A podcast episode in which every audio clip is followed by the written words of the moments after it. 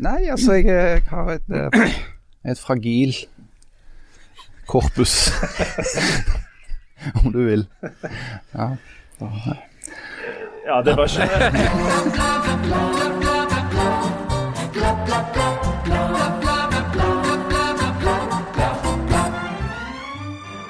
For å oppsummere, vi har en krig, en ny deprimerende klimarapport, korona, kaos i økonomien og en melodi vi ikke får ut av systemet. Men på den positive sida, det nye sjefen vår er her, og ryktene sier at folk som lager halvgode podkaster, skal få voldsomt mye mer lønn. Yay!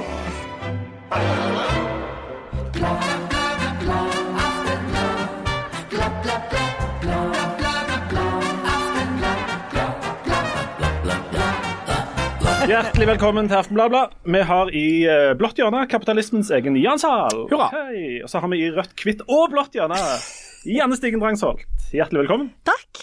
Og så har vi i sjefshjørnet Aftenbladets nye sjefredaktør Kjersti Sortland. Hjertelig velkommen.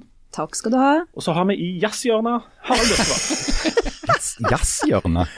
Ja, du ser litt sånn synkopert ut i dag, Harald. Velkommen til jazzhjørnet. Du skrøyta før vi begynte her av at du var så i voldsomt god form. Er det noe nytt? Ja, det vil jeg si. Det, det er nytt til og med for meg. Ja. Du har ligget med omgangssyke. Du er jo ikke sånn mann som eh, holder det for deg sjøl. Jeg lar ikke en god sykdom gå forbi. Jeg har fått omgangssyke og skal være voldsomt slankende. Ja, ser dere ikke det? Nei. Jeg er jo som en stålfjær. Du er som en skygge av deg sjøl.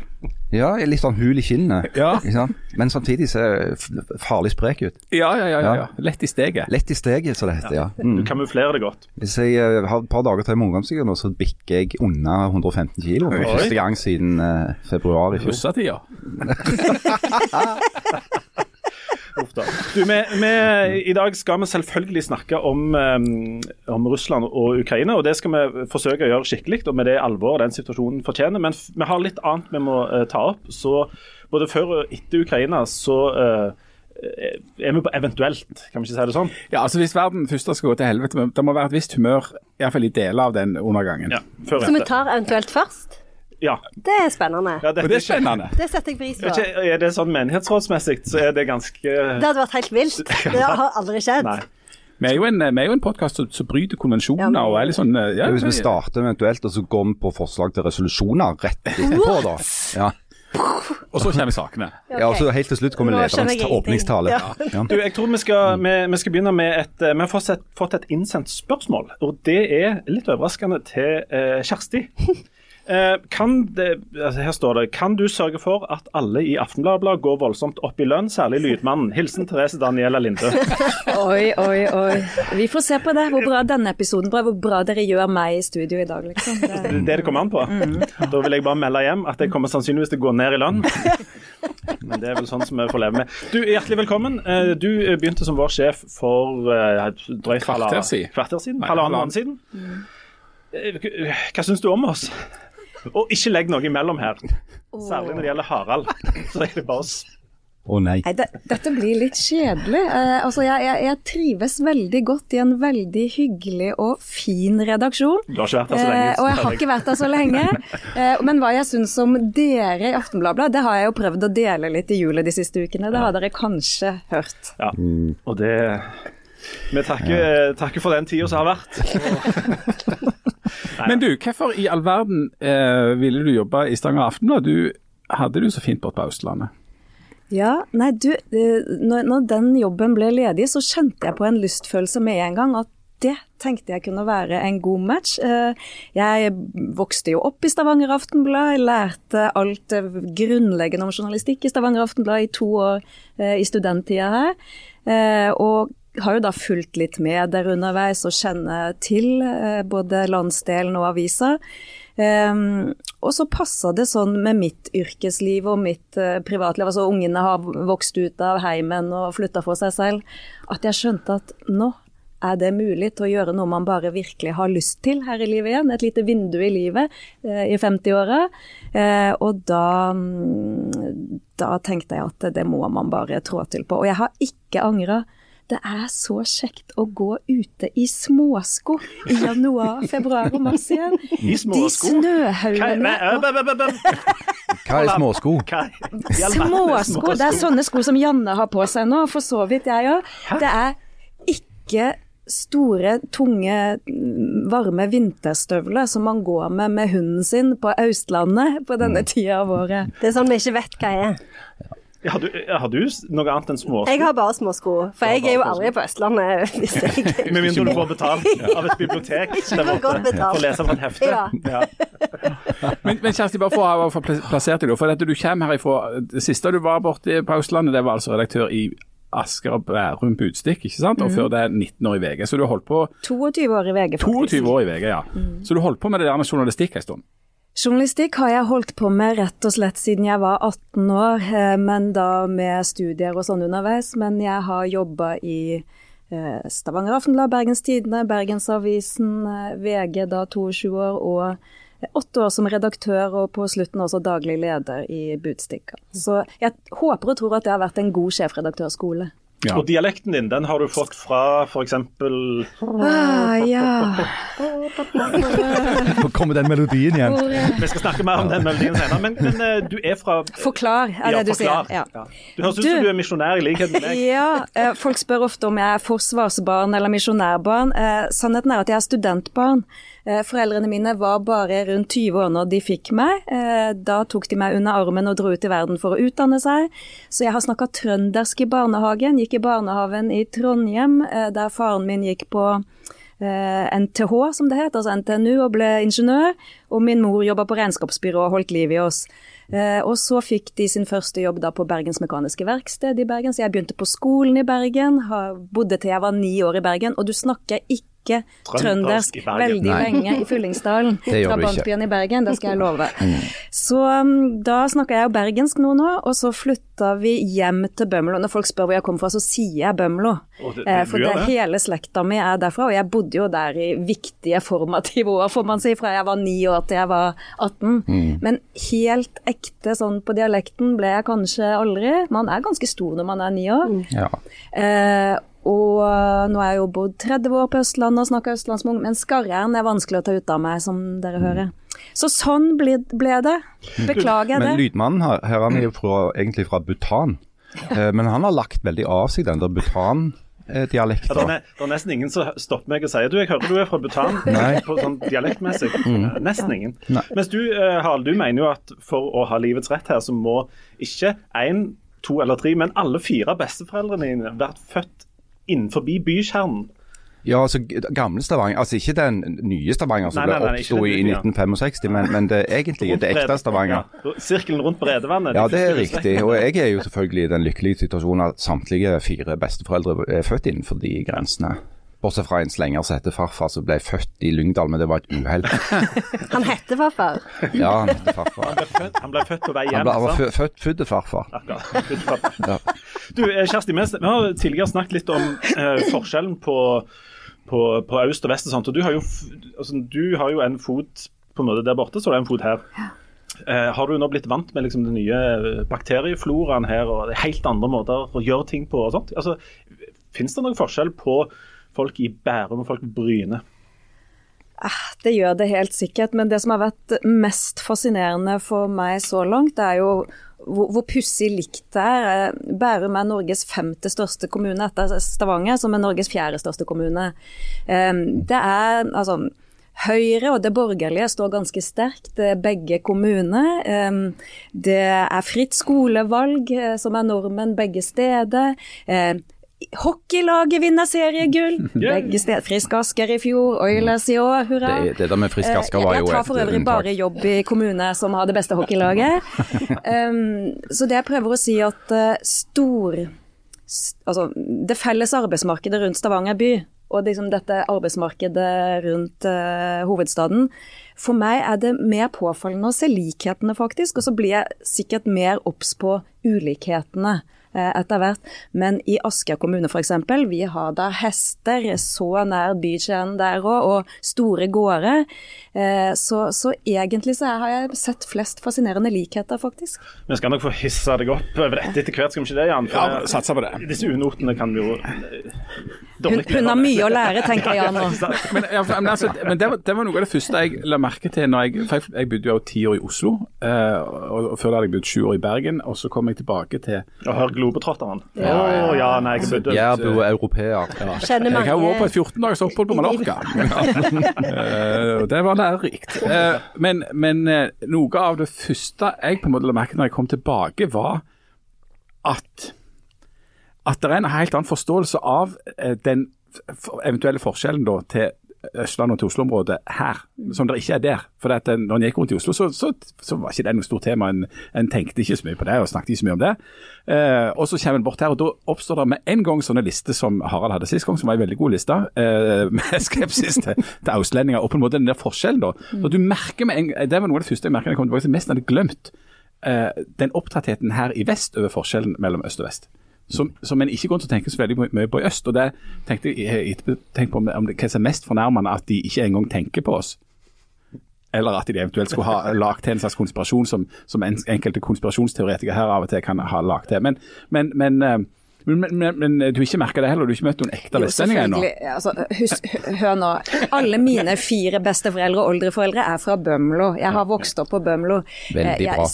Vestlendingen og vestlendingens evne til å sno seg, og hvis ikke de vil ha ventiler lenger der ute i markedet, da lager vi propeller isteden. Altså, dere må jo ikke tro at jeg Altså, jeg har jo virkelig et bein i begge leirer. Altså, jeg har bodd mitt voksne liv på Østlandet, men jeg er jo vestlending, og selvfølgelig er det forskjeller. Men jeg fikk det der sånn motsatte overraskelsen litt, da, over at eh, det, by, altså, det er litt sånn storby-noe-aktig, også over Stavanger, da. Det moderne Stavanger. Et, det, jeg må jo si det. Du, Hvor lenge må du være sjefredaktør i Stavanger Aftenblad før du blir spurt om å holde 17. mai-tale her? Har, du, har henvendelsen kommet? Det tror jeg tar ganske mange år, og Janne og mange andre skal få ta seg av det. Det som er, vet du det, Janne skal jo, eh, som nå hele Norge vet, ha 17. mai-talen på Trones skole. Og det er jo et tillitsverv som henger Ganske lågt. ekstremt. Vi må være ærlige. Vi må være ærlige. Ja. Eh, og i denne saken Janne, har det jo vært det vi må kalle en viss utvikling. Det har det. Fortell. Og nå er det, nå jeg, jeg, jeg anbefaler, for, anbefaler folk å sette seg ned nå Ja. og holde seg fast i noe. Fordi dette blir den beste 17. mai-en noen gang. For jeg skal ikke holde bare én, men jeg skal holde to 17. mai-taler i Sandnes. Ja. Dette føyer seg inn i ditt mønster med å alltid ha det veldig travelt. Hvor lang tid er det mellom de to talene? Er det Eh, nei, det er det jeg ikke vet helt. Pluss det er visst en lunsj òg som er involvert. Og jeg skal jo på dugnad og eh, levere ei kake. Eh, så at jeg er litt usikker på hvordan det Så jeg er glad jeg har småsko, for Ja, ja. sånn. Men er du en tidsoptimist? Ja, Ja, veldig. I veldig Men du blir enormt, enormt rik av det. Men, men fortell, fortell hvor, hva- Jeg den, den, Er det. det i Humpetitten barnehage du skal ha den andre Det, okay, det er selveste hovedtalen i Sandnes. Nei, Jo, tuller du? seriøst. Gratulerer. Takk. Så jeg, eh, eh, jeg Nå bare gleder jeg meg mer enn noensinne. Nå kjente jeg jeg fikk litt sånn Ja, ja. Det ble veldig bra. Men var det fordi at de hadde hørt på podkasten og fant ut at du hadde en eh, tale under utarbeidelse, de- og så tenkte de vi slår to fluer i en smekk, hun holder bare den to plasser? Og så hadde de andre sagt nei, så de hadde spurt. Det fikk jeg Jeg, jeg, jeg, fikk, jeg, jeg fikk inntrykk av at de syntes at jeg var veldig blid. Så jeg vet ikke om det er fordi de har hørt på denne podkasten, eller om det er bare sånn generelt inntrykk som Det som ble nevnt i denne podkasten tidligere, det var at du hadde en 17. mai-tale, og at jeg muligens kunne være tilbøyelig til å si ja hvis jeg ble spurt. Så har de hørt det, så tenker de vi ringer hun gjerne for hun kan heller ta to. Ja. Kan du ha én, så kan du ha to. ja. Ja. Men skal du ha den samme talen, eller skal du ha to forskjellige? ja, det er det jeg lurer litt på. Om jeg skal bare bytte ut Trones med Sandnes. Uh, if, if, fra mellom tale 1 og tale 2, eller om jeg skal lage en helt ny eh, og me- mye bedre kvalitet-tale på Nei, for hele Sandnes. Nei, da er det ingen som kommer på Trones. Nei, du har jo fått det. såpass mange innspill til temas fra lytterne våre, Ja. så at du kan minst ha to taler. Dette Ja. hadde vært et annerledes år. Kunne det vært en inngang til den nede i sentrum? Jeg foreslår at du, at du lager en grønn tale og en blå tale, så kan folk få velge. Det kan jeg jo gjøre. Men dere har jo sagt at dere skal være med som et sånn kor. Det er sånn gresk talekor. Ja. Og jeg har en ny, eh, et nytt innspill der. For du vil jo ikke nevne dette med at det har vært et annerledes Nei, år. det har jeg ikke tenkt Og du var òg litt sånn tvilende til å nevne dette med Hitler. Ja, det er jeg og fremdeles tvilende til. Men altså, for vi har bestemt her at eh, for hver gang du nevner i en av disse to talene at det har vært et annerledes år, så får du 500 kroner rett i neven av hver av oss andre. Og du får 1000 per Hitler. Kan du Bør vi begynne, bør vi begynne å spare? Jeg tror 17. mai på Sandnes blir Hvor Fantastisk. Hitler hele tida. Jeg har ikke tenkt å gjøre det. Dette er jo en stor ære for meg å holde Er det det? to taler i Sandnes på selveste 17. mai. Ja. Det er jo det beste som kunne skjedd. Du skal Men, få men altså, egentlig, altså, Hitler er jo ikke så far-fetched som du vil si. For det at nesten hver eneste 17. mai-tale jeg har hørt, har jo handla om krigen. Jo, men, altså den andre. men da snakker du jo om liksom motstanden. Du snakker jo ikke om Du snakker jo om Du drar jo i det, mot det positive. Du begynner jo ikke å snakke om all, alle de kjipe tingene. Okay, en siste, ah, ja. Et siste Ja, bet. Du skal få Vi skal klare å skape sammen 5000 kroner til deg hvis du på et eller annet tidspunkt i hovedtalen i Sandnes kan si Og som Harald Birkevold en gang sa Hvis du klarer å finne noe som er så smart at det faktisk kan nevnes i en 17. mai-tale, som Harald sa, da får du 5000. Jeg vet at dette er småpenger for deg, det, men du kan i hvert fall du kan gi litt til gartneren. Da har vi en avtale, sant? Nei, vi har ikke det. Lykke til! Kom igjen. Kom igjen. kom igjen. Nei vel, men eh, kan du minne folk om eh, hvor og når disse 17. Ja, mai-tallene er? jeg tror eh, Jeg vet ikke når de er. 17. mai? Men det er på 17. mai, Mm. og den ene er på Trondheim skole. Da vil jeg jo tenke at det er jo på formiddagen. Nå husker jeg jo nesten ikke når aktiviteter sånn begynner på 17. mai, for det er jo så lenge siden. Men pleier jeg vel vet etter sånn barnetoget. 11-tida. Ja, kanskje rundt 11. Ja. Og så den andre tror jeg er sånn rundt klokka tre. Ok, men For å piske oss over på, på, på det som vi egentlig skal snakke mest om i dag. Er, I en 17. mai-tallet er det er det naturlig å dra inn sånne store verdensbegivenheter? Altså Nå er det en Jeg tenker at jeg skal krig i prøve Europa. å unngå å snakke om, altså bare snakke om Glenn Sparken, har jeg okay. tenkt. det Helt lokalt? Ja, holde det veldig lokalt. For jeg orker ikke å forholde meg til noe annet. Men det, for dette bringer tanker, Hvis vi nå skal over i den uh, kjipe delen, um, så bringer dette tankene over på min egen 17. mai-tale fra Bryne. Uh, altså, um, For det 17. mai-tale handler jo veldig mye om sånn festtaler om uh, demokrati og freden og friheten, og at vi lever sånn som vi er, og at det ikke er selvsagt. Og Det har vi drevet og repetert nå i ganske mange år, og så har det skjedd ting den siste uka som at det er ikke bare noe du sier. Altså Det er plutselig deprimerende aktuelt. Um, så, så, um, så jeg vet mest ikke hvordan det går an å holde en 17. mai-tale i år uten å komme inn på det. Men altså, Lykke til med det. Men, men, men det er jo helt vanvittig. Fordi du Jan, du pleier jo vanligvis uh, se Dagsrevyen i opptak Ja. for å kunne spole over sport.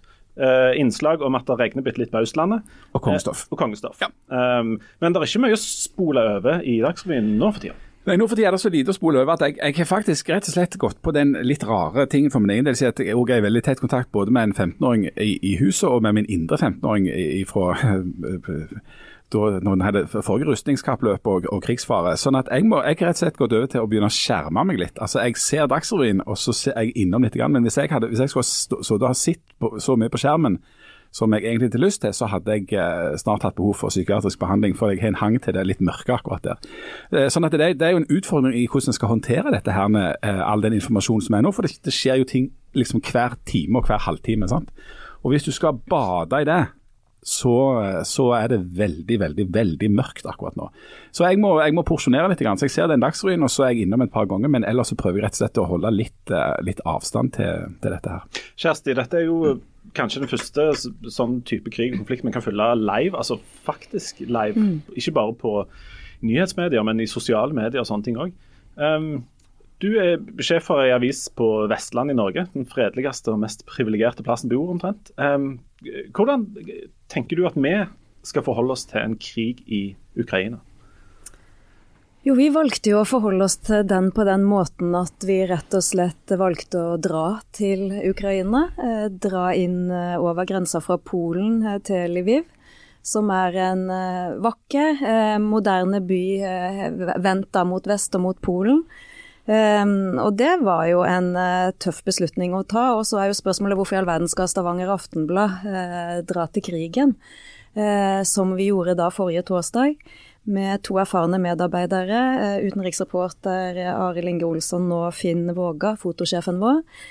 Um, og det gjorde vi fordi akkurat som Jan er inne på, når, eh, når, det er krig i Europa, eh, så blir verden så fryktelig liten.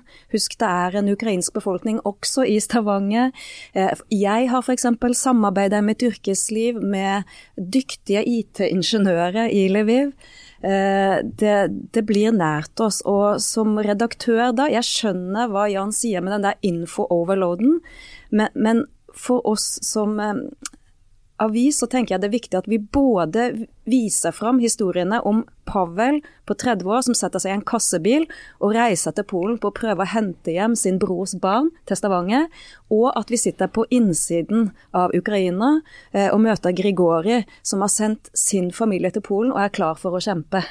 Eh, den kombinasjonen der er, da rører vi selve kjernen i samfunnsoppdraget vårt. og Av og til må redaktører som meg ta på den store hatten og si her er vi helt med kjernen om hvorfor vi er til. Og mitt inntrykk er jo at leserne våre i Stavanger setter pris på det. Eh, for dette stoffet har ligget på mest lest-listene, også i Stavanger Aftenblad hele perioden vi har vært inne der. Eh, og det er jeg for så vidt glad for å se, og det er en bekreftelse på meg på, for at Eh, det er riktig eh, å ta det på alvor og bruke alt man kan og alt man har lært og alle sine kontakter i livet. Og prøve å ta så gode sikkerhetsvurderinger som mulig for at våre folk skal være tryggest mulig. Men det er klart det er en risiko eh, ved å ta ansvaret for at ansatte skal inn i et land i krig. Så dere ser vel på meg i dag hvor letta jeg er. Altså jeg, jeg føler jeg svever i småskoene mine her i dag. Fordi våre kom seg ut over grensa fra mot Slovakia i går kveld, og det var vår plan B. Når vi starta den morgenen, så hadde vi en plan A og en plan B for å komme ut av landet. Uh, og det ble plan B, og den virka heldigvis. Du, en sånn praktisk, Hvordan gjør uh, journalister når de reiser til en krig? Nå har jo du fått førstehåndserfaring med dette. Vi kan jo ikke bare sende en mann ned uh, og ta et fly inn til, til Ukraina og ønske han lykke til, og så snakkes om noen Nei, dager? Um, Hvordan foregår det? Um, for det første så foregår det på den måten at vi snakker ordentlig sammen, både i redaktørkollegiet og med de aktuelle reporterne, om vi i det hele tatt skal dra. Forsøker å ta noen sikkerhetsvurderinger, og når vi da har tatt beslutningen om at vi drar, Eh, så gjelder det jo å pakke det riktige utstyret. Altså, da har Stavanger Aftenblad med seg skuddsikker vest og hjelm og eh, teknologisk utstyr og det vi trenger. Eh, og heldigvis så har vi jo da en utenriksreporter som har erfaring fra f.eks. fra Gazastripen, og fotografer i vårt hus som har erfaring. Eh, så var det også sånn at det er ikke helt tilfeldig hvor i Ukraina vi dro. Du ser jo VG Aftenposten og andre kolleger i Skipsted har jo sittet i bomberommet i, bomberommet i Kyiv, hovedstaden. Det må ha vært fryktelig skremmende, apropos eh, det du sa om livedekning. Vi har jo sett live Google-bilder. Google Earth, hvordan disse kolonne på kolonne med russere mot hovedstaden. Eh, litt annerledes der. Eh, vi har jo da vært på grensen eh, mot vest og mot Europa, der russerne ikke velter inn over grensa. Eh, men det har vært mange flyalarmer hver eneste kveld, portforbud. Altså det har nok vært eh, skremmende nok for befolkningen i vest i Ukraina også, men, men aller verst sannsynligvis oppe i de to største byene, eh, som er lenger øst i landet. Og, og folk er nå, får òg hjelp der nede. altså de kan ikke de må ha noen som de kan møte. Ja, og, og nå tok du meg tilbake til, til det du spurt, egentlig spurte om vi var så heldige altså, Noen ganger så er det sånn at uh, når man har levd en stund, så biter livet deg litt i rumpa. Man får liksom litt igjen for alle man har kjent og alt man har gjort her i, i verden. Så vi hadde f.eks. noen gode fiksere på bakken av mennesker vi da kjenner på innsiden av Ukraina, som har hjulpet oss praktisk i felt. Med husrom, biler, sjåfører, alt du trenger for å kunne bevege deg som journalist. Uh, og det som var vanskelig for oss, var jo nettopp å bevege oss rundt for å treffe folk, fordi det f.eks. er portforbud fra klokka ti om kvelden. Um, stadige flyalarmer, du må i kjelleren, um, og køer alle steder. Ut av landet særlig. Så vi kunne jo da ikke komme oss ut den samme veien som vi dro inn over Polen. Vi måtte finne andre veier ut av landet når vi følte på at nå, uh, nå vil vi gjerne ut igjen. Og det var situasjonen i går morges. Og så må jeg bare også si at uh, Stavanger Aftenblad eh, har en eier, Skipsted, som også hadde mange andre aviser. Eh, Aftonbladet, svenske største avisa i Sverige, Aftenposten Skipsted, og jeg, jeg skjønte på en veldig god samhandling og inkludering med særlig VG eh, når vi kommuniserte om, eh, om, hvordan vi skulle gjøre ting som angikk sikkerheten. Så, så, noen ganger er det godt å være del av noe større, eh, også for Stavanger Aftenblad sine folk. Harald, du har skrevet mye om denne krigen. Hvor, eh, hvor står den krigen nå? Og I dag er det onsdag for de som eh, hører på. Nei, den, den krigen ruller jo videre.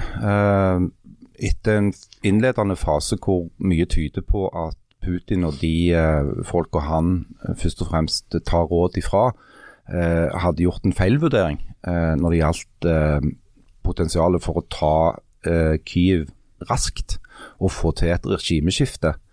Den planen ser ut til å ha slått feil.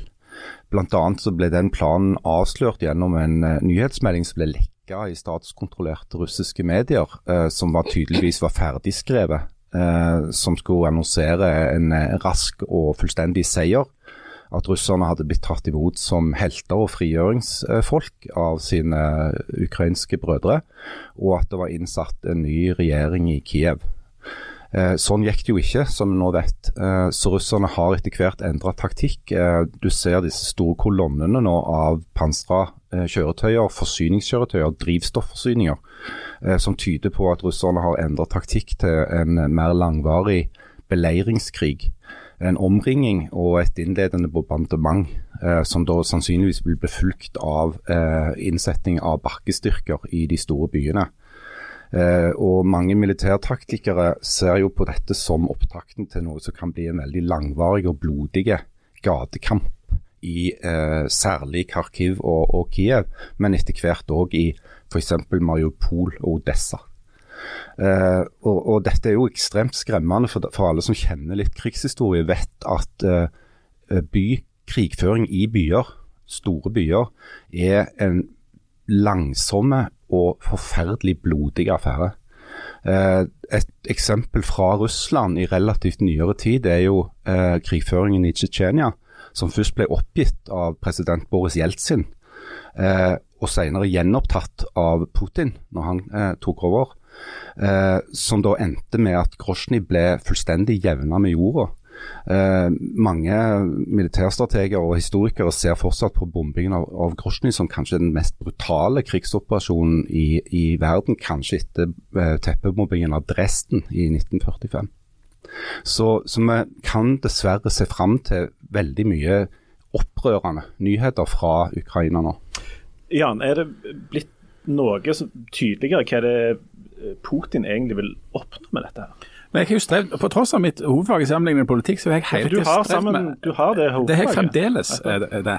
Og jeg har jo på, ikke på noe tidspunkt forstått helt hva det er de holder på med. Og det er jo Noe av det hjerteskjærende er jo når du får intervju med folk, i, altså med, om det er unger eller Jeg hørte sist i morges ei, ei ukrainske dame som spurte liksom, hvorfor i all verden skjer dette? Hvorfor gjør de dette med oss? Altså, De, de forstår det ikke engang sjøl.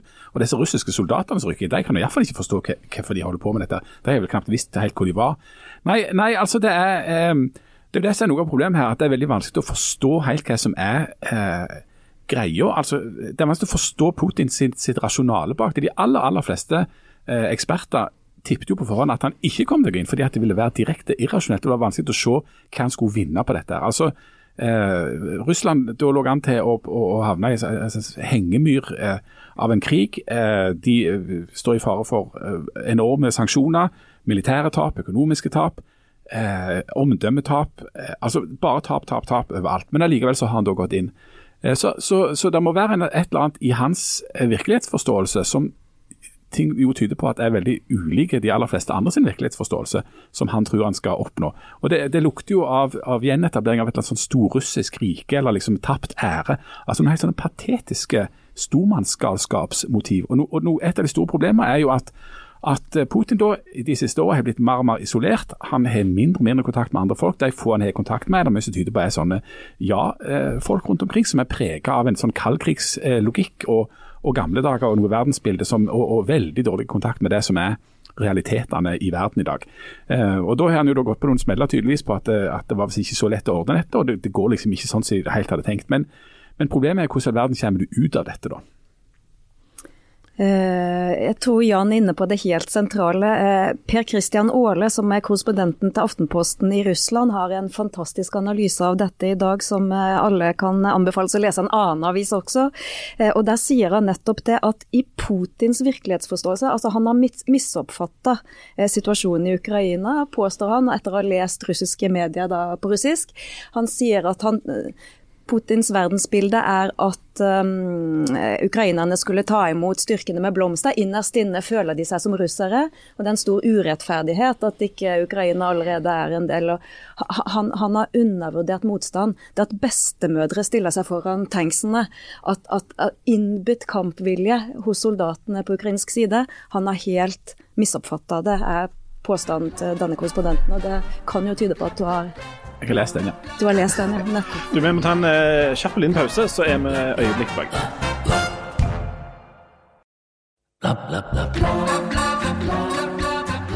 Hjertelig velkommen tilbake til Aftenbladet. Vi fortsetter å snakke litt om um, Ukraina. Vi skal snakke mer om selve krigen. Men Jan, jeg har et spørsmål til deg her. I, I dag leste jeg at det var et teater i Aalborg som har bestemt seg for å droppe et teaterstykke av en russer. Um, og Russland er jo overalt i litteratur og teater og kultur og sånt. Um, får vi nå et problematisk forhold til alt som er russisk, tror du? Det er vel eh, et uh, signal om at folk har lyst til å gjøre noe. Og så har det jo uh, vært mye snakk om sanksjoner, og da tenker vel alle hva slags sanksjon kan jeg bidra med i denne sammenhengen. Så jeg tenker at det at det har noe med det å gjøre, at du har et behov for å liksom vise at du har, tar et standpunkt da, utover å legge til et sånn et ukrainsk flagg på, på Facebook eller Instagram. Og, og det er jo det, jo, det viser jo eh, altså Alle de tingene som skjer nå, viser jo at folk har sånn ekstremt behov for å vise sympati. Eh, og det er jo òg noen av de der litt sånn feilvurderingene med å gi klær og leker og sånn som eh, ukrainerne absolutt ikke trenger, fordi de driver og går gjennom eh, landet sitt på vei til Polen. Så, så, det, men, så jeg tenker at det der med å, å, å, å, si at du ikke vil konkurrere med russere i sport, at du ikke vil sette opp russiske stykker og sånne ting, at det er bare et behov for å på en måte markere sitt Men Hadde du eh, stilt opp i en uh, høytlesning sammen med to russere som bor i Russland, og som er, fra, altså, som er russere? Uh, I dag? Nei, fordi at det, det, er jo Jeg kjenner jo på et behov, jeg òg, for, for, å vise hva jeg, hva jeg mener. Og jeg syns jo det er riktig at det er, har steile fronter nå og sier at nei, men dette er galt, så at dere blir satt i den enden av skolegården. For den vestlige taktikken nå er å isolere Russland? Ja, ja det er det. Eh, det er jo oppnådd en forbausende stor grad av enighet i EU som i utgangspunktet tror jeg en var en del av eh, Vladimir Putins feilvurdering. Han trodde at mange tiår med bearbeiding av europeiske, særlig de nye EU-landene, med russisk desinformasjon og propaganda, ville ha ført til en splittelse. Det viste seg at EU-parlamentet står samla i fordømmelsen av eh, invasjonen og krigen. Eh, til og med eh, aktører som, som Ungars Viktor Urban har, har vist seg å, å, stå på rett side i denne saken. Eh, og jeg tror òg at eh, Putin har, har grovt undervurdert den kan du si, folkelige motstanden denne invasjonen har utløst. Eh, og en tredje ting, jeg tror han òg har undervurdert grovt kampviljen til sine egne styrker. Eh, det er jo kommet troverdige meldinger om eh, både eklatant desertering, men òg eh, mer utkrøpen former for ordrenekt. Eh, noe som kan forklare at, at framrykkingen har gått veldig seint. Eh, men jeg tenkte også når det gjelder det med boikott, uh, så, så, har vi jo faktisk et eksempel som er ganske nært oss. Fordi at uh, turneringen Norway Chess, som har vært altså verdens sterkeste sjakkturnering, har vært arrangert i, i, Stavanger nå i flere år, har jo bestemt seg for å utestenge Sergej Karjakin eh, tidenes yngste stormester, fordi at han har tatt helt klart standpunkt for eh, krigen på Twitter og i andre eh, fora. Eh, og har fått klar beskjed om at han eh, nå er uønska som deltaker der, selv om han uten disse uttalelsene vært en helt selvsagt deltaker. Men eh, For å holde oss til sjakken, de som virkelig er, virker som det blir satt sjakkmatt her, er jo vanlige fornuftige russere, både, både i Russland og andre plasser. Ja, altså Ja, det er jo det, det, så, det er et rot, dette her. Ja, For det- Vi snakker ja. jo om en diktator her. Ja, det er et rot, og det er, og det er også sånn pressemessig interessant. For det, er meningsmålinger nå som tyder på at allikevel et flertall da, av russerne støtter Putin i dette. Jeg tror det var 62 eller 68% eller hva det var som ble rapportert her på Dagsrevyen en, en kveld.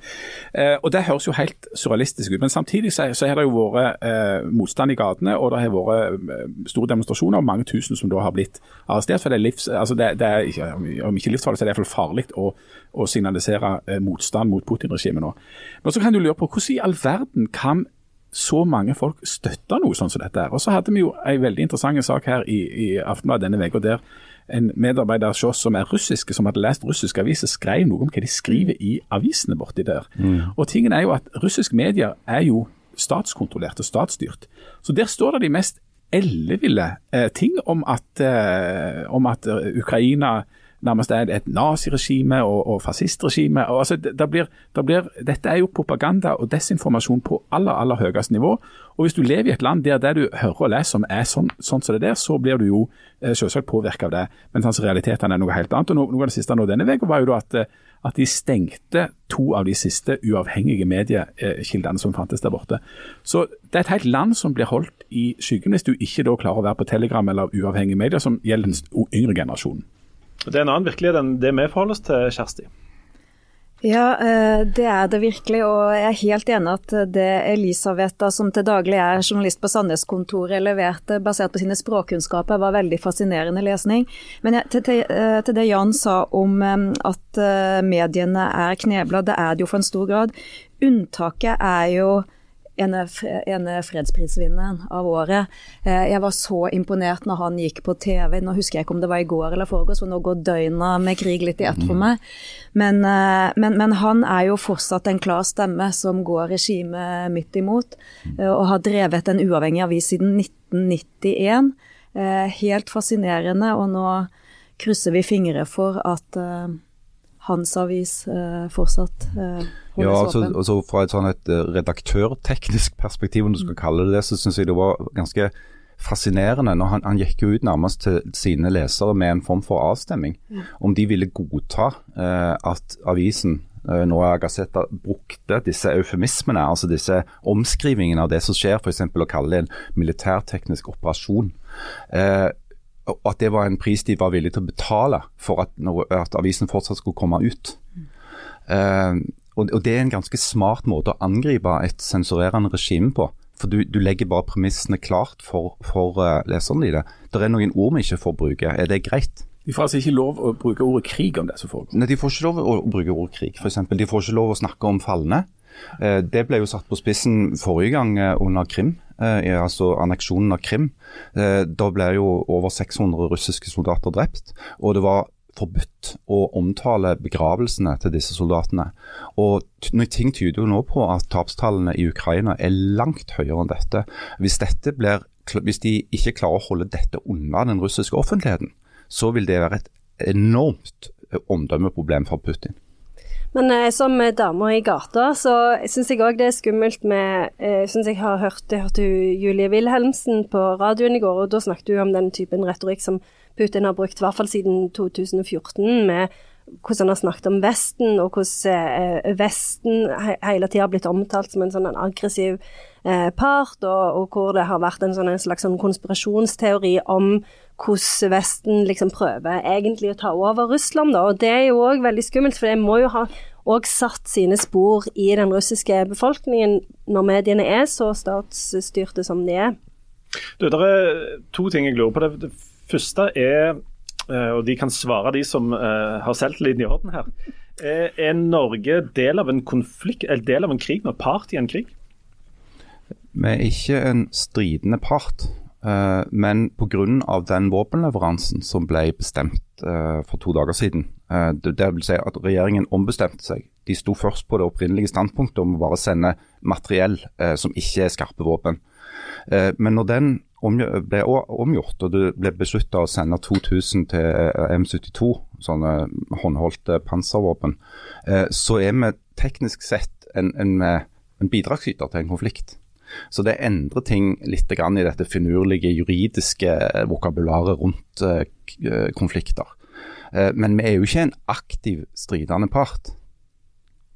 Faktisk er vi vel det eneste landet som, eh, som grenser til Russland som aldri har vært i krig med Russland, er det riktig? Ja, det er i alle fall, om det ikke er helt presist, så er det i alle fall veldig nær å være det. Altså, Russland grenser jo altså, Det er jo en av de frustrerende tingene med Putins retorikk. Altså, en, en sentral del i den, av den retorikken er at, eh, særlig siden 2007, eh, når, når Nato eh, vedtok denne her åpen dør-politikken sin, som Putin så på som et direkte angrep på hans, eller Russlands interessefelt. Eh, er at han har sådd en forestilling om at Russland er i ferd med å bli omringa av fiendtlige stater. Hvis du ser på hvem Russland faktisk grenser mot, altså fra Kina i øst, via Mongolia til en gruppe stanland i, i Sentral-Asia, til Kasakhstan og så inn i, i Europa, så, så er han på ingen måte omringa. Eh, han har en grense i vest, som han påstår da er en omringing. Eh, sånn at det er jo noe med hele denne mytologien eh, til Putin som er grunnleggende feil. Eh, det som du kan prøve, hvis du skal prøve å forstå hvordan Putin tenker, så kan du prøve å sette deg inn i en person som har vokst opp under Sovjetunionen, som eh, fikk til slutt rank, eh, altså, eh, grad av oberst i KGB, var utplassert i det daværende Øst-Tyskland, opplevde kollapsen i det systemet som hadde brakt han opp i, i, i KGB, og, og bærer på en form for følelse av tap. Sånn. Eh, som jo, uten sammenligning for øvrig, minner litt om den følelsen av tap som en østerriksk korporal følte etter første verdenskrig, og som førte til en form for forbitrelse i eh, Tyskland. Og det de mente var en historisk urett begått mot landet. Eh, og vi så jo hva vei det bar. Så, så den, den typen sånn, altså nasjonalistiske mytebygging eh, som Putin driver på med, er jo veldig, veldig, veldig farlig. Hvordan eh, ender dette her, eh, Jan? Hvordan avsluttes sånne ting som dette her? Ikke, ikke at du tenker å komme med konkrete forslag, men vi har gjerne vi har jo opplevd lignende ting før. Ja, Det har jeg dessverre brukt mye tid på å tenke på i det siste. Eh, og, og jeg klarer ikke å se Altså Det som jo er problemet til, til nå, er jo at Putin altså har gjort noe som virker helt irrasjonelt. Eh, han har malt seg inn i et hjørne. Eh, hvordan i all verden han skal komme seg ut av det hjørnet uten å tape helt ansikt, det klarer ikke jeg å se i det hele tatt. Den eneste måten jeg klarer å se dette blir løst på, er at han ikke lenger sitter med makta. Altså om det er noen rike eller mektige folk borte i Russland som på en eller annen måte klarer å fjerne han. Det er egentlig den mest eh, nærliggende. og det, det ser ikke jeg at skjer eh, i løpet av de Jeg leste en ganske alarmerende analyse i Financial Times i morges, eh, som, som går gjennom denne her lista av, av russiske oligarker. Eh, for mange har jo pekt på de og sagt at hvis eh, sanksjonene rammer de, eh, så vil det kunne legge press på systemet. som, som, der, du, der du forutsetter at det er en form for sånn maktbalanse mellom Putin på den ene siden så har den politiske makten, og oligarkene som har den økonomiske. Eh, Det var nok riktigere for noen år siden enn det er nå. For det, det som er forholdet er at en god del av de oligarkene allerede har stukket. Altså De eh, bor egentlig for alle praktiske formål i London, eller i Syd-Frankrike, eller til og med på New Zealand. Eh, skummelt nok. Eh, og, og har mindre innflytelse på Putin enn de hadde før. Eh, og, og, og de oligarkene som fortsatt opererer hovedsakelig i Russland, er veldig veldig tett knytta til Putins skjebne. Eh, de brukte et eksempel på en, en oligark som hadde kommet til Putin og sagt ok, eh, jeg hadde fem milliarder, nå har jeg bare fire. Og så har Putin svart ja, har du lyst til å beholde den siste, da? Hva svarer du til sånt? Hva svarer du til sånt? Ja, men, men også, også er det det om, om altså Enten så måtte, måtte det være eh, folk med økonomisk makt eller med militær makt som så at dette ikke var så lurt, eller så måtte det være at, at sanksjonene rammer det russiske samfunnet, og at en begynner å få øynene opp for hvor mange folk som dør der nede. At det blir en slags form for sosial uro og sosial splittelse i landet. Da, altså en folkelige, et folkelig press. Jeg tror nok mer på det, eh, og kanskje òg litt på, eller håper på, er vel rettere å si enn tror på, jeg håper på denne her teorien om såkalte voksne i rommet. Eh, Det som skjedde i USA eh, i slutten av Donald Trump sin, sin periode, var jo at f.eks. Mark Milley, som var sjef for, for generalstaben, valgte rett og slett å legge inn noen ekstra sikkerhetsforanstaltninger mellom Trump og atomknappen. Det går jo an å håpe på at det er fagmilitære som ser galskapen i det som skjer, og, og tar grep for å sørge for at det ikke eskalerer. At du f.eks. ikke kommer i en situasjon hvor Russland gjør seg for, uh, skyldig i folkemord. Den siste tingen vi tenkte vi skulle snakke om uh, Det var lystig, dette. her. Så, ja, ikke sant. Det er lystig. Uh, og, jeg kan bare beklage, men dette er ikke spesielt gøy. Nei, dette er ikke spesielt gøy. Og, og det er det mange altså, Vi som sitter her, er jo de på en måte i verden det er, minst synd på oppi dette. Men vi må jo forholde oss til det likevel. Og Kjersti, jeg vet om mange nå som må redusere inntaket sitt av inntrykk og nyhetsstoff om denne krigen. altså Som, som blokker en del ting på sosiale medier, f.eks. Eh, og som på en måte må disiplinere seg selv litt. fordi Vi kan jo sitte 24 timer i døgnet og følge med på dette her. Um, hva, hva syns du som redaktør um, er altså, Hvordan skal folk forholde seg til dette? Hvor mye skal vi ta inn? Hvor mye skal vi det jo, det, vi, vi tar jo ikke skade av å vite hva det er som foregår i verden, men Nei, og min jobb og vår jobb er jo hovedsakelig å prøve å opplyse alt best mulig. Eh, men eh, Janne Hagen, som er en flott leder for lokalavdelingen vår her i Stavanger Aftenblad, hun har lagd en sak som vi publiserte forrige helg som het 'Slik snakker du med barna om krig'. Det, sånne ting tror jeg vi godt kan tenke på å lage i redaksjonene våre. Rett og slett gjøre oss litt nyttige og komme med innspill til foreldre og lærere som, så, jeg hadde besøk av Bernhard, som er sportsreporter hos oss eh, til vanlig, men som nå har permisjon for å være lærer på en videregående skole. Han sa at behovet for å snakke om dette her blant videregående elever var kjempestort. Mm. Eh, og, og, jeg tror vi kan bidra med det. Og så må vi også bidra med resten av nyhetene, forsøke å balansere det. Stavanger Aftenblad skal jo fortsatt mest av alt være en lokal og regional avis for eh, Stavanger-området. Men, eh, og vi prøver jo så godt vi etter beste evne krevende og, og, og balansere det litt.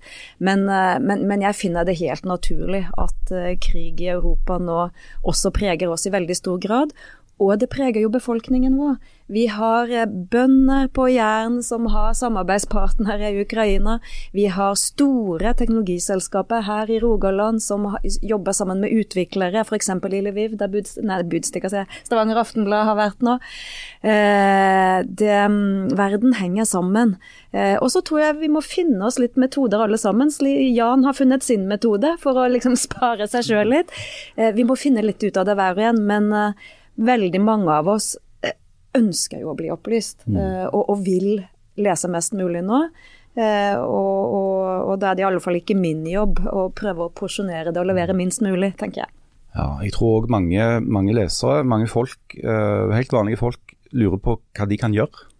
Hvordan de kan hjelpe. Mm. og, og, bidra med å opplyse om det er òg viktig for en, en, avis som oss, tenker jeg.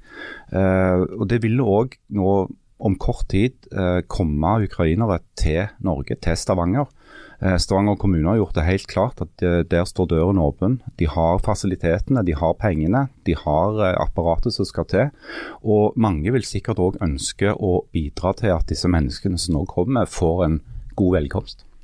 Og så er Det jo sånn at eh, det skjer jo andre ting enn enn denne krigen i, i Ukraina. Og, med, og, det er jo, altså jo begmørkt og unnskyld fransken, men at vi skulle ha en fuckings krig liksom rett forbi dørene her. Jeg var sikker på at liksom, Balkan var det siste vi fikk se til det, men det var det altså ikke. Men um, det er jo andre ting som skjer. og, og for, for, at uh, Kosmos skal gni det litt ekstra godt inn til oss, så er det jo sånn at uh, ja, for å sitere Jan Ove Ottesen, verden går til helvete, tralalala.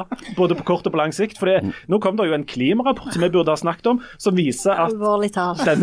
Skal vi snakke om den nå? Nei, jeg har vi ikke men vi må nevne den fulgt opp tida nå. Sånn at denne krigen som på et eller annet tidspunkt forhåpentligvis så snart som mulig tar slutt, så har vi jo da altså liksom Armageddon å forholde oss til etterpå. Det er jo en ting som, som, vi må forholde oss til, som vi kommer til å snakke mer om senere. Der har jo, Kjersti, det er jo velkommen til, til kombinasjonen oljebransje og, og, og klima, som Stavanger Aftenblad er en ja, dette er ikke et uh, brennbart tema her, på ingen som helst måte. Det er rolige forhold. Uh, vi, vi, burde jo òg ha snakket om uh, Hadia Tajik. Uh, og Da tror jeg vi lukker døra til det alvorlige og, og, og deprimerende, og så åpner vi en liten ventil inn i eh, trompeten, holdt jeg på å si. Det var, er det, dette er ikke et familieprogram lenger, det har vi jo slutta. Eh, men eh, Vent litt, vent litt. vent litt. Nå har vi faktisk en sjefredaktør i rommet. Kan du en gang for alle avgjøre dette kommer jeg til å angre på, om dette er en familiepodkast eller ikke en familiepodkast. Nå har jo jeg hørt på dere si gjentatte, gjentatte ganger at eh, dette er en familiepodkast. Ja! Så det, må jo være det. Nei, Nei, det er jo det. bare Leif Tore som sier det. Dette er en kristen familiepodkast. Nei, nei. 2-0 til meg. Du, I, den, I denne podkasten har vi også hatt eh, en spalte der Harald snakker eh, nokså kjedelig om noe viktig i tre minutter. Jeg fikk fått et innspill der. Om vi bare kan, om vi kan døype opp den spalten til Harald snakker. Fy, det var stygt det, sagt. ta, det kan du jo ta som du vil. Men Fy, det var stygt sagt. Nei, det var var, det, var, det var ikke et innspill, det var du sjøl. jeg, for jeg sa at vi kan ikke Av og til så sier du at det er et innspill, så er det noe stygt som du har tenkt Det kan jeg ikke kommentere på dette. For det virker ikke akkurat alltid som du leser fra noen sånn Jeg har skjerm. en datamaskin foran meg som lader som jeg leser. Som bare lader som som Men leser. jeg sa at det var helt uaktuelt, for vanligvis snakker du mye mye lenger enn tre minutter. Ni. Og det er fremdeles kjedelig, men du snakker vanligvis mye lenger. Det er Jan som snakker langt. Uansett, denne spalten har vi Jeg snakker kort og poengtert. Ok. Og ganske underholdende, om jeg skal si det sjøl. Ett ord hybris. Hybris. Uh, uansett, denne spalten uh, lagde vi en kjenningsmelodi til litt sånn på sparket. Og der har det kokt i Ja, det har det kokt. Altså, den kjenningsmelodien går som følger.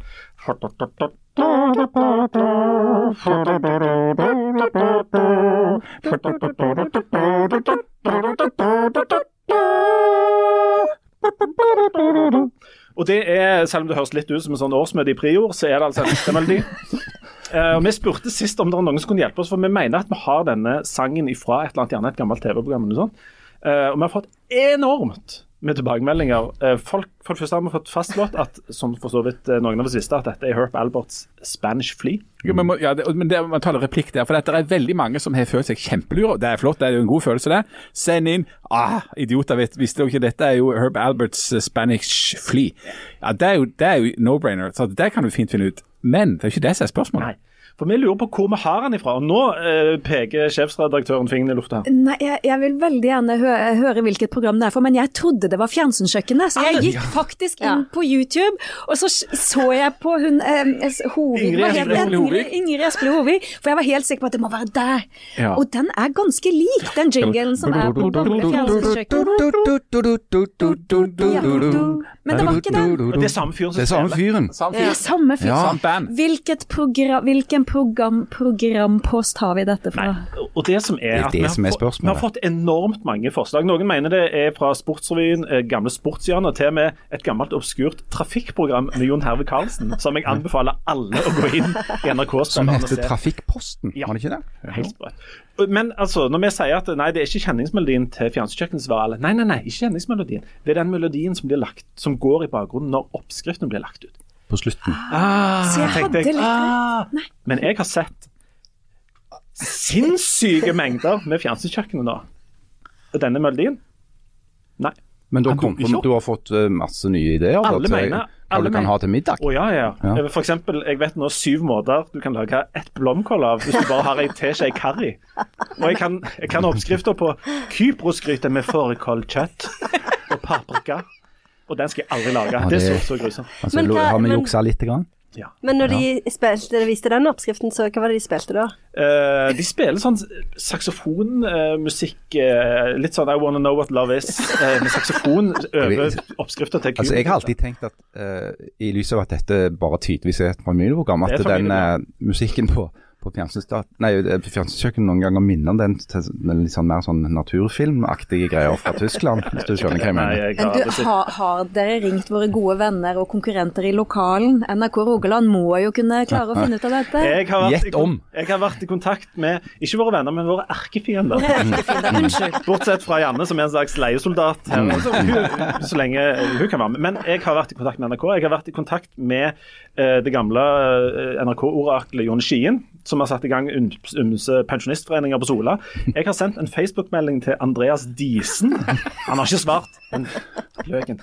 Um, og jeg eh, Altså, for å konkludere. Denne sangen tror alle um, blir lagt ut når oppskriftene på kjø- fjernsynskjøkkenet går. Men vi har ikke sett én et eneste bevis på det. Og vi trenger bevis. Ja. Og vi vet forresten at Kristian Valen brukte denne eh, kjenningsmelodien han eh, introduserte jazzhjørnet på Valen-TV. Da satt han Det er antageligvis der vi har det fra, men denne må finnes i et eller annet gammelt NRK-program. og jeg vet ikke hva slags dusør vi skal utløve for de som kan komme med bevis på dette. Men T-skjorte. det er- Og ja, du skal få enormt Har vi flere T-skjorter Vi er jo ikke delt ut det eneste. Det. Ja, det var. Uansett, vi trenger bevis, og de som kan føre bevis for hvor dette er brukt, hvis det er brukt, vi kommer til å være dere evig takknemlige. Um, dere kommer til å havne på vår uh, topp tre- topp ti-liste. Men eh, det er jo ingen tvil om at uh, alle kommer fra den samme dammen. Fordi dette er jo en sang som alle har gått. Ja, ja. Altså, tenk på alle de sangene som vi har i hodet bare pga. at NRK har brukt de. Ja, for det greia var at den, denne jinglen, eller hva du skal kalle den oppsto jo fullstendig spontant en eller annen gang jeg skulle snakke alvorlig, saklig, informert og knapt om et viktig tema. Ja, Så begynte det, dere å lage den lyden, selvfølgelig for å shame meg. Som er den eneste? Dere skjønner hva jeg mener, kjære lyttere. Jeg er utsatt for dette én gang i uka. Ja. Uh, men vi, trenger hjelp. Ja, og, Ja. og, og, Og- og klarer du dette, da ja, og Men da ikke, men ikke send inn flere forslag om fjernsynskjøkkenet. Fordi Med mindre du har en lenke som viser. Ja, ja, Ja, men hvis det du kan bevise det. Ja. Eh, Så vi, eh, vi vil ha hjelp til dette. Og vi vil også ha, vi har jo tidligere sagt at vi vil ha at folk skal sende inn topp ti-lister til oss. Og det har folk gjort. Og uh, Før Jan tar uh, si topp ti-lister, så tror jeg vi skal lese en av de innsendte. Eh, er du litt nervøs for de lister, Jan? For dette er Ja, jeg er veldig nervøs, for jeg syns, eh, og jeg, jeg kommer jo over å si dette, men at dere tre før meg har levert gode lister. Ja, Harald la jo lista rimelig lavt sist, så jeg tror det skal gå men, eh, Det er jo lavthengende frukt å lage lister liste om østlendinger. det er trøsten min. Nei, det er jo det enkleste sak av verden. Uansett, uansett, den innsendte passer veldig godt, siden dette er en kristen familiepodkast. Den eh, går sånn. Hei og hallo til våre favorittpodkastere. Eh, vi har laget en liste over topp ti typisk kristent. Å, gøy. Nå ble jammen ganske gøy. I, Endelig. I noe tilfeldig rekkefølge. Vi benytter anledningen til å takke for en strålende podkast med både humoropplysning. Takk for det. Hilsen Gerd Snøve og Solveig. Veldig kristne navn. Det må vi Ja. Ja, det Ja, var det må vi si. Mm. Ja. Ok, uh, Da leser vi fra toppen. Dette er altså typisk kristne ting. Uh, nummer én salmer som går innom alle toner i to oktaver herlighet. uten logisk rekkefølge. Ja. Sant, Janne? Å, herlighet. Jeg var kirketjener for to uker siden. Det var en salme der. Jeg skjønte ingenting av den. Det var, jeg bare var sånn det var, Og så var det snakk om skirsleba. Jeg skjønte ingen av ordene heller. Ingen kan den bortsett fra organisten. Typisk. Vi skal virtsle i høgdi. Og, ja. Ok, Nummer to. Eh, veldig kristent å erstatte banneord eller alkoholord i norske sanger med mumling eller teite erstatninger og fnising. Ja. Altså sånn som for eksempel Sitronbrus, berusende ord, det var sommer, og det var sol. Ikke det er enormt kristent? Uff. Eller, ja. Ja. Eh, Og, og banneord òg. Ja, Det er jo en kristen kristenbanning. vare. sant? Ja. Sakran og Ja. Sakran. Ja. Ja. Belge, har jeg hørt. Eller jakla. Mm. er det mye. Eller fen. Ok, Nummer tre. Eh, å si en sak har alltid to sider, selv om f.eks. Israel har bomba hele Palestina. det er veld... Det er veldig kristent. Og kjenner, Det kjenner, dette kjenner jeg igjen. Ja. Ja. Så sier jeg alltid det når noen har gjort Ja, han har alltid to sider. Ja. Ok, Nummer fire. Um, å kunne le av Bård Tufte Johansen sine drøye eh, vitser, siden han er kristen, og av Leffy, altså meg, sine grove vitser om pølser med ost, fordi han er kristen. Altså, Da kan du le av det. sant? Mm, det er helt sant. Ja. Det er akkurat som i, i Kim Gordon sin uh, sjølbiografi. Likte du opp navnet? Nei, så sa hun at det, fordi Sonic Youth spilte jo ganske sånn tung musikk, men fordi hun var jente og hadde på seg skjørt, så normaliserte hun bandet, så derfor ble hun alltid satt midt på scenen. Same thing. Akkurat det thing. samme. Uh, nummer fem, og her tror jeg jeg trenger litt hjelp fra emissæren for dette med uttales på emissærsk. Kan du si 'Guds veier er uransakelige'? Guds veier er uransakelige. Og det er noe kristne sier når de ikke forstår bedre, men vil høres lure ut. Altså Når vi ikke har noe svar, så sier vi ja. Si det en gang til. Guds veier er uransakelige. Viktig å ha sånn sutre eh, Ja, det må være litt er Ja. Og jeg har hørt det bli brukt Jeg har hørt det bli brukt for å lete. Altså, vi finner ikke bilnøklene. Å, sier du det? Guds veier, du vet de er uransakelige. Kan du bruke om det Ja, òg? ja, ja. Altså, du kan bruke det til alt. Det er et slags sånn get out of jail-card i kristen sammenheng. Uh, for eksempel åh, ja. Vi skylder 18 millioner, viser det seg. Guds veier er uransakelige. Var ikke mer salt igjen til potetene. Guds veier, du vet de er uransakelige. Veldig bra. Uh, ok, Det er veldig kristent, og langt oftere enn gjennomsnittet eh, for en mann i gata, å kunne legge andre stemmer på hva som helst, Ja. og være sterkt representert i The Voice og lignende program. Det er helt sant, det. Mhm. Det er ingen som synger gospelkor som ikke har uh, røket ut tidlig i The Voice. Nummer syv. Veldig kristent, og i enhver populasjon har minst én unge mer enn gjennomsnittet. Det betyr at du f.eks. har fem unger hvis du bor i Hå, seks unger hvis du bor i Klepp, eller syv hvis du bor i Time. Det er helt sant. Hva er gjennomsnittet i Norge? 1,8 1,9. Hvor mange har du ja, igjen? så meg. Tre. Nei, 1,84. Jeg tror den er 1,84 nå, ikke det? Jeg trodde det var litt enda Jeg tror det er 1,9 ca. Ja, okay. Jeg har 1,9 som jeg betaler for. Så. Så du vet om. OK. Um, det er veldig kristent å ha en viss skepsis til kristne som er enten mer eller mindre pinsevenn, statskirkelige eller bedehusiske enn seg sjøl. ja, det er helt sant. Det er helt rett. Ja, det er noe pinsete. Ja. Nei, de er vel med i Frikirken. Ja, akkurat. ja, Det forklarer mye. Er det metodister Er som ikke vet det? er det ikke litt kveker i han? Ok. Nummer ni. Eh, det er veldig kristent å eh, ikke trenge alkohol for å ha det gøy, for det er like kjekt med brus. Ja, det er jo kjempekjekt. Hurra. Jeg har prøvd dette veldig lenge, og jeg har ikke hatt det kjekt. Jeg er 41. Aldri hatt det kjekt. Så er Janne som begynner å drikke allerede under politisk kvarter. Jeg har drukket siden klokka sju i morges. Ok, Nummer ti. Eh, Det er veldig kristent å digge Aftenbladet, fordi Janne alltid sensurerer alt som er på vei til å bli litt drøyt, med enten å si 'herlighet' eller 'å, jeg blir så sliten'. Ja, Men jeg blir veldig sliten. Nå skal det lite til. Ja, jeg gjør det.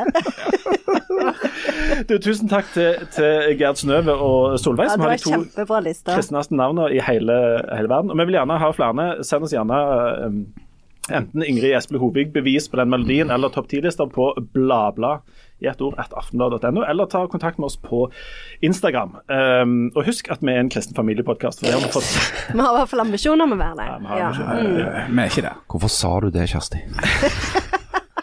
Han kommer aldri til å slutte nå. Aldri. Aldri. Og det bringer oss over på dagens siste innslag, nemlig uh, topp ti-lista til Jan Sahl. Take it away.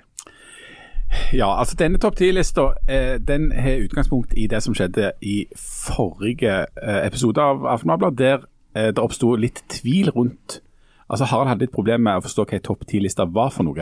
Eh, som definisjon av hva det kunne være. Eh, Det er et fint konsept. Ja, og Det er det. Ja, ja, ja, og så drev jo Leif Tore og tøfte seg, og så sa han liksom at det liksom tøfte seg og jeg liksom vet jo ikke det. Det, liksom, det kan ikke bare være ti vilkårlige ting, liksom, sånn colaflasker og panel og samfunn og. Så tenkte jeg jo, hvorfor ikke? Hæ? Altså Så du har bare ti forskjellige ting? at, uh, Har du bare- at skal du bare det- ramse opp det ti er ting? Enormt sånn, det er enormt sånn altså, Du sier at det liksom ikke går an å bare ramse opp ti helt sånn vilkårlige ting. Uh, og at Det virker veldig sånn konservativt, syns jeg, og veldig sånn her rigid og, og kjipt og sånt. Så jeg skal prøve å finne ut går det bare uh, ta ti vilkårlige ting. Så føler jeg at du bare ikke har gidda å lage en tipp topp-liste. Jeg har gidda, bare vent. Jeg føler så- Det er sånn, po- det er sånn postmoderne greier, Det, dette. det er postmoderne, og det er nok et element av språkfilosofisk spalte. Ai, ai, ai. Muligens er en, en, en ny uh, ting. da. Men, men det som var praktisk med det, var at uh, Leif Tore hadde jo ramset opp de tre første. Uh, han sa at du Ja, så du må du starte med colaflasker, da. Er det punkt nummer én? Punkt nummer én er colaflaske. Men begynner du, Er det vilkårlig rekkefølge, eller er det liksom nærmer du deg Det kan du bestemme sjøl. Ja, ok. Men la oss begynne med, med colaflaske. Er, altså, er det tilfeldig at colaflaske ser ut som en colaflaske? Å herlighet, nå ble jeg så sliten. Jeg var ganske sliten fra før. Det er ikke tilfeldig i det hele tatt. Fordi at det som var situasjonen eh, tidlig på 1900-tallet, det var at det var flere som lagde den drikken, eller en sånn svart eh, søt drikk som så Coca-Cola da kalte for Coca-Cola. Eh, men de hadde masse konkurrenter. Coca-Nola, Ma Coca-Co. Toca-Cola og noe som heter Coke, men med K, da. Eh, og så var problemet at altså, Coca-Cola var veldig sånn populært, eh, så, det ble fort utsolgt. Og det som skjedde da, var at mange av de visste helt forskjell. Da bare tok de eh, andre flasker med sånn svart som et eller annet med Coke eller Cola. Eller sånt det der. Eh, og, så, og det var jo, betydde jo dårligere business for Coca-Cola. Så det de kom fram til, var at vi må, Selv om de hadde brukt etiketter, sånn, så hadde de vanlige flasker. Men de fant ut vi må lage en flaske som ser annerledes ut, sånn at folk vet hva det er som er Coca-Cola. Så da setter de i gang et svært sånn designprosjekt. Eh, noe som førte til at de da fikk utvikle denne flaska, inspirert av formen på kakaofrukten. Som er litt sånn eh, ovale, og som er de gjerne rillene på. Sånn eh, oppsto eh, colaflaska. Og er det noen i dag som er i tvil om hvordan ei colaflaske ser ut? Nei. Fremdeles veldig i tvil om denne lista, hva Er som det egentlig er konseptet, eh, men gå Fun videre. fact, tenker jeg nå. Det er mitt tips Ja, nå. det er fun fact. Fun fact-liste. Ja, fun fact, litt språkfilosofi. Det andre, det andre, det andre tilfeldige og vilkårlige som du, så du jo eh, tok opp, Leif Tore, det er jo din feil, det er du som har eh, kommet med disse ordet, det er jo panel. Og jeg er veldig kritisk til, eh, til ordet panel. Um, Du er det? Ja, fordi at du har altså da ett ord som kan bety tre forskjellige ting. Jeg synes det er enormt svakt. Altså jeg mener at de tre forskjellige tingene burde jo hatt et eget navn. For et panel, det kan jo være sånn, sånn som du spikker opp på veggen, det er panel. Og så kan et panel være et sånn kontrollbord, sånn som det der miksebordet som så Leif Tore sitter med her. Og så kan det være sånn eh, diskusjonsgjeng. Hvorfor har vi ikke tre forskjellige ord for panel? Det er enormt svakt. språklig. Det er svakt. det. Veldig svakt. Janne, du nikker. Eh, Jeg bare viser at jeg følger med. Men, men, men noterer det standpunktet. Ja, noter det. ja. Så, eh, så var det jo tredje vilkårlige som Leif Tore tok opp, dette var dette med samfunnet. Og da er det Punkt tre er samfunnet. Ja. Og da er jo det store spørsmålet, finnes det noe sånt som et samfunn? Ja, ikke ifølge Margaret Thatcher. There's no such thing as society. There are individual men and women and there are families. And no government can do anything except through people. And people must look after themselves first. It's our duty to look after ourselves and then also to look after our neighbors. Så det finnes altså ikke noe samfunn. Ja, Det var jo synd for punkt tre, men OK. Nå, nå, nå hjelper ikke jeg deg mer. Nå må du finne på ting selv. Ja, nå må jeg finne på selv. Og det første jeg eh, tenkte på da, er karbonade. som en jo gjør. Altså, hva er en karbonade for noe? Det er jo da altså ikke en hamburger, er, er det, men det er heller ikke kjøttkake. Eller er det kjøttkake som er blitt eh, klemt flat? Hva er egentlig en karbonade? Det lurer jeg på. Det ble veldig mye å tenke på på en gang, eh, syns jeg. I tillegg, Etter krigen. ja, i til, tillegg til dette med krig, Ja. kode rød ja. Men dette bringer oss over på, på eh, punkt fire, som er Hutaheiti. Fem. Fem. Er det fem allerede? OK, det går fort. Hutta Hutaheiti. Hvor ligger det? Det ligger vel i nærheten av der pepperen gror. Er Ja, det er i nærheten av det. resten for måned. Ja. Men det er, altså, det, er jo, det er jo en plass, en bestemte plass, Hutaheiti. Det ble jo brukt i overført betydning, men hvor kommer de fra? Hutaheiti er en, en um, Det er en plass som ligger i Hutaheiti, da, men altså det er, en, det er egentlig Tahiti. Og det er en forvanskning av det tahitiske ordet for Tahiti, som du skulle trodd var Tahiti, Ja. men det er ikke det. Det tahitiske ordet for Tahiti er Otaheiti. Men, og, det, altså, og dette trodde jeg var konvensjonell visdom, jeg, dere, jeg tenkte dere kom til å ta den. Men det er nemlig en alternativ teori på hvor Hutaheiti kommer ifra. Det er om det kan ha kommet inn med skogfinnene fra finsk. Ikke begynn med Fordi- skogfinnene igjen. Hutta, det er finsk for svedjebruk. Hva er svedjebruk? Svijordsbruk. Altså at du svir av markene eh, og ikke kan dyrke de hvert år, eh, sånn som de holdt på før i tida. Og at, eh, at um, Altså at du Hutta betyr Det er et finsk etternavn sånn, sånn av typen ødegård. Altså sånn det markene som var litt langt vekke, som du svidde av, så du bare kunne komme til av og til, det kunne være hytta. Eh, og så var spørsmålet om Heiti, hva det var for noe. Men altså svakheten med den teorien er at ingen finner vil forstå det ordet i dag. Men da er vi over på dette med sånn en slags sånn språkteigen nå. Ja, det er språkteigen. Ja, det er egentlig det. ja. Nei, da er vi, vi er inne på dette med sted og ikke sted, så da er vi over på det med lokasjon. Eh, Det er jo da i motsetning til alle ord jeg har snakket om nå, ikke ord som finnes noen plass i noen ordbok. Det er ikke et ord. Men eh, det er altså eh, så mange mellomledere og folk med sånn eh, spisse sko eh, og, og høye utdannelser i, i, i BI. Se her. Så, ja, nei, de var tynne. De var ikke Spisse så spisse. småsko. Så driver og snakker om lokasjon. Men det må dere bare slutte med, for lokasjon finnes det altså ikke. på. Enig. Amen. Ja, ja. Um, Det betyr vel egentlig bare et sted. ja. Ja, du kan si sted. Ja. Eller bygning. Eller, altså, Ja. Bare snakk om en plass, men det fins ikke. Plass, det, det er sted, en ja. Eller ikke sted. Ja, sted eller ikke sted. Du Um, neste er eh, garderobe. Altså, det er kritisk, altså Svakheten eller styrken med det er jo at det, du, du sier garderobe, og så vet du jo hva det betyr for noe, men det er ikke noe i selve ordet som avslører hva det er, hvis du ikke kan noen andre språk. Uh, sånn at det kommer jo ifra fransk, da. Garderobe. Ja, av gardère, eller garder, som som betyr å va- passe på, og rob, som på spansk Kjersti har bodd et år i Mexico. Ropa. Ropa. Ropa betyr klær eller kjole. Sånn at hvis Ja, du sier fransk da. guardaropa på, på spansk, eller garderobe på fransk, så har du jo sagt hva det er for noe. Det er en plass som passer på klærne. Men på norsk så er det jo helt umulig å vite det. Er det ikke Island? Der lager de sånne egne ord som forklarer det. Hva heter garderobe på islandsk?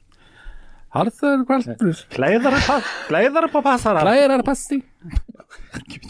Um, og så er det uh, Nå nærmer seg Det er bare tre igjen. Søren, er det ikke mer enn tre igjen? Og det er dette med uh, hvitesaus. Det syns jeg er enormt fascinerende. Uh, hvordan kom noen på hvitesaus? Er det noe feil med hvite saus òg? Men nei, altså, nei, der er jeg imponert, uh, rett og slett. Hvordan Altså Hvis du tenker på den teknologi, eller på, på, på teknologien som ligger bak å lage noe så enkelt som fiskebolle i hvitesaus.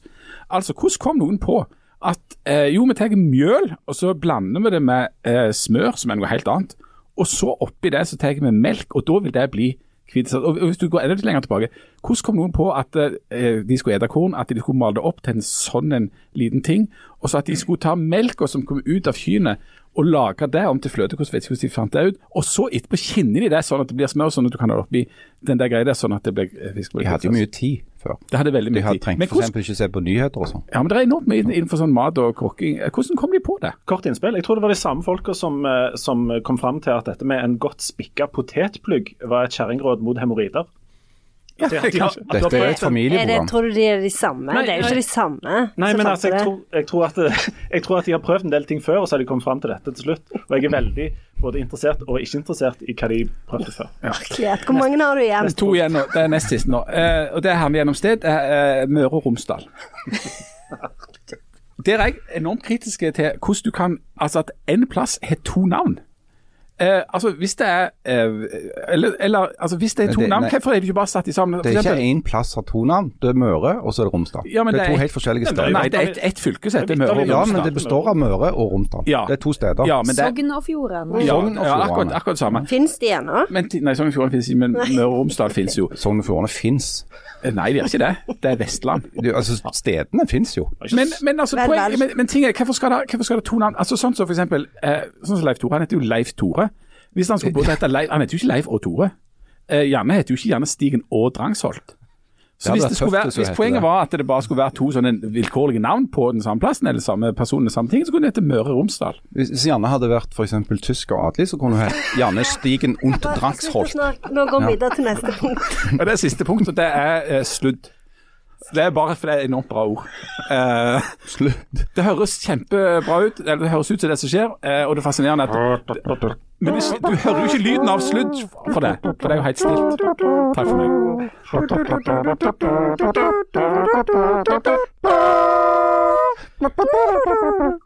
Nå har vi holdt på altfor lenge. Jeg tror vi, Hvor lenge har vi holdt på? vi har holdt på jeg tror siden i går, faktisk. Herlighet, det tror jeg òg. Du, vi beklager det. Det er Eh, ikke noe ros å få for den lista, nei. Vet du hva, jeg fikk eksistensiell angst av den lista, så aldri har jeg lignende lista igjen. Det var- Det var rett og slett for mye. Altså, jeg, jeg sitter jo òg igjen med en masse spørsmål. jeg sitter Og igjen med ikke ingen gode Ja, det nå var mye å tenke på, sant? Jeg tror de må slutte å sjefredaktører med, for da blir det bare så alvor og så rart. Dette må vi slutte med. Jeg får ikke være med neste gang. Åh, ok, Det er bare én måte å unngå sånne lister på, det er at folk sender oss et eller annet. Ellers så kommer det en ny sånn ei leste med ti tilfeldige ting. Du, Nå må vi gi oss. Eh, takk til, til Kan jeg bare si én ting? Ja, du skal ha 17. mai-tale på, på Sandnes. Alle må komme og høre på. To stykker. I går så eh, jeg, jeg vil gjerne komme med en anti-anbefaling. Fordi at i går Så jeg har prøvd å få tak i Rosens navn. Den er jo helt umulig å få tak i på noen sånne strømmekanaler. Fikk jeg endelig tak i den på Sandnes bibliotek. Den hadde ikke eldes vel. Den er, Den den er var- faktisk veldig dårlig. Den er så dårlig! Herlighet, og alle munkene har så masse sår. Den Umberto Eco. Ja. Mm. Det var Så, noe vi leste når jeg var ung. ja, men eh, eh, ikke se filmen. filmen eller Boka òg er enormt gørr. er, Tar jo Sean- er det Sean. Connery som er i den filmen? Ja, og eh, Christian Slater. Uff. Og F. Murray Abraham, som spiller en slags sånn inkvisitør. Ikke lån han på Sandnes bibliotek eller noen andre steder. og med det takker vi for i dag. Ha det godt. Ha det. Farvel. Ja, for litt A piece of essential information er helt på slutt. Forresten, Det var bare en liten ting. Når det gjelder å låne Rosens navn på Sandnes bibliotek. Hvorfor i all verden skulle du se Rosens navn? Jeg tenkte den. Hva slags sikring er det som Jeg har gått? elsker jo den. For det finnes ingenting av det. så bra. Jeg syns boka var enormt bra når den kom. Boka er jo dritgørr. Oh, Det er jo der det står Vi hadde andre standarder når vi var 20 her. Nei, for men jeg jeg jeg, jeg jeg fortsatt når jeg lese leste den om igjen, for jeg Nei, nei. Du jo så gammel Det at eneste bare det som var er i bra med bok den som var boka, stas. er etterordet er veldig bra, men ellers så er det Jeg likte veldig godt Rosens navn-filmen. Ja, det er spesielt var en jo- sekvens der som har gjort inntrykk. Ja, med ikke hun der med den ene kvinnelige looking good i Ja. Jeg Den så vi jeg i går, og ja, den spolte vi over, for å si det sånn. Eh, ja, jeg, det, vi så den jo med ungene, og de holdt på å dø, så det, det var Og de skjønte ingenting av han. Du skulle straffe, sånn, unge. Du skulle straffe ungene, det var derfor du var lånt til denne filmen. Jeg skjønner ikke, jeg skjønner ikke hva vi tenker Men, på. men altså